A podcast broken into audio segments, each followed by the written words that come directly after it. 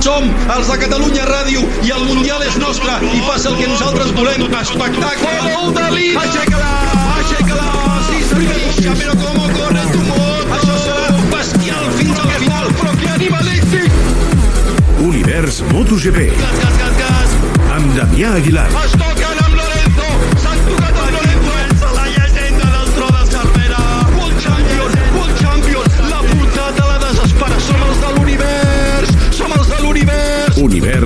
MotoGP. S'ha de retirar Valentino Rossi? Aquest és un tema molt llaminer i és fàcil tirar la pedra i amagar la mà. Si ets molt de Rossi no voldràs que retiri mai, si ets anti-Rossi preferiràs que plegui. Ell necessita bons resultats durant la primera meitat de temporada per decidir a l'estiu si continua el 2022 o si pren un altre camí que segurament no l'allunyarà dels circuits perquè ja hi té els dos peus com a empresari. Ningú altre que no tingués un palmarès semblant aguantaria fins als 42 o més competint a MotoGP.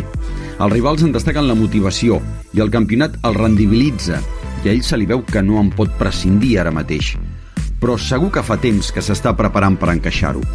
El conseller delegat de Dorna, Carmelo Ezpeleta, deia a Dazón que no n'ha parlat mai amb ell del tema. Él y yo nunca hemos hablado de, de retiradas, ni de la suya ni de la mía. Valentino no guanya cap títol des del 2019. Va ser tres vegades subcampió en el període 2014-2016 i no guanya cap cursa des del 2017. Aquest debat durarà tota la temporada o fins que ens comuniqui la seva decisió. Dissabte passat va rebre moltes felicitacions perquè es va classificar quart i després diumenge moltes crítiques perquè no va passar del 12è. En els dos casos, el moltes estava fora de lloc. Necessitarà un marge de confiança com tots els que van acabar a partir del segon a la classificació. Ara, però, hi ha altres elements que potser pesen en la decisió, com el fet que ja no és intocable. Per evitar una col·lisió amb Binder va sortir de la traçada i va perdre posicions. the, the young riders had uh, a lot more respect for the old riders compared to now. this is a, a general way of the world, not uh, just uh, just MotoGP. Els joves abans tenien molt més respecte pels veterans, diu Rossi, però és la línia del món sencer. Tots tenim un passat. Però, en fi, Valentino analitza l'actitud de Brad Binder. Have uh, a lot of riders that are more clean.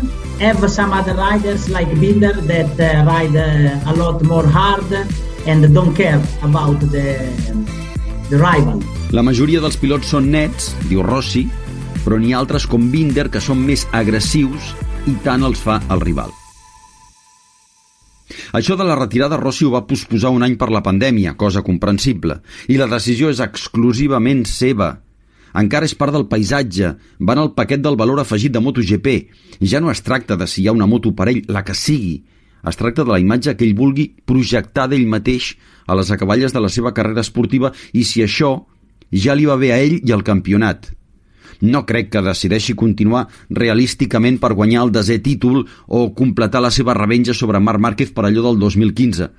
Aquesta revenja, si es produeix, més aviat la completarà algun dels seus deixebles. Però, això sí, Rossi seguirà al paddock per no perdre-se-la.